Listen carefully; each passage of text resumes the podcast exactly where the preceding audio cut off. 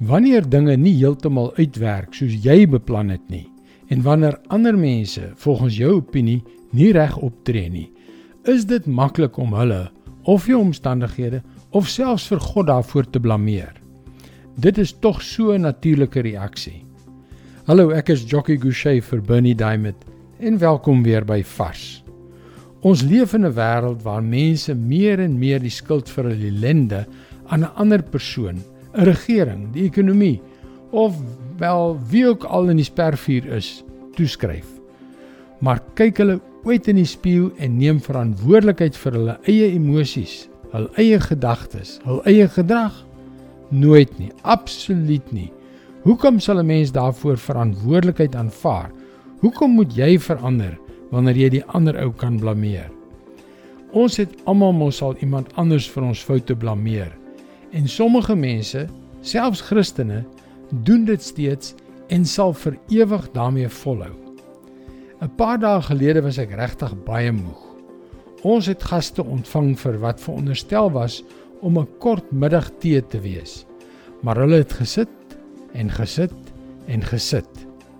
Ek het in my binneste ongeduldig en moeg gevoel. Nou ja, wat doen jy wanneer so iets gebeur? Kolossense 3 vers 12.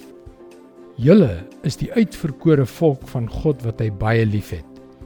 Daarom moet julle meelewend, goedgesind, nederig, sagmoedig en verdraagsaam wees.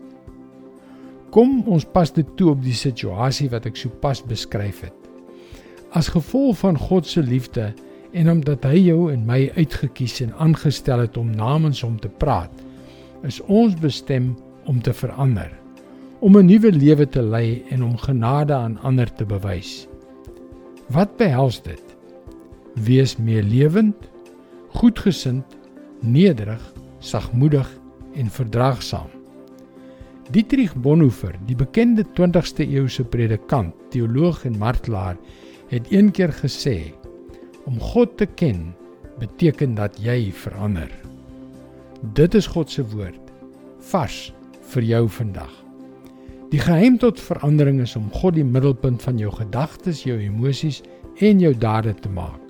En die goeie nuus is dat die Bybel ons leer dat wanneer jy bid, jy verseker kan wees dat gebed kragtige resultate het. Indien jy na vorige vars boodskappe wil luister, hulle is ook almal op Potgooi beskikbaar. Soek vir Vars vandag op Google of op 'n Potgooi platform so Spotify. Mooi loop en luister weer môre na jou gunstelingstasie vir nog 'n vars boodskap.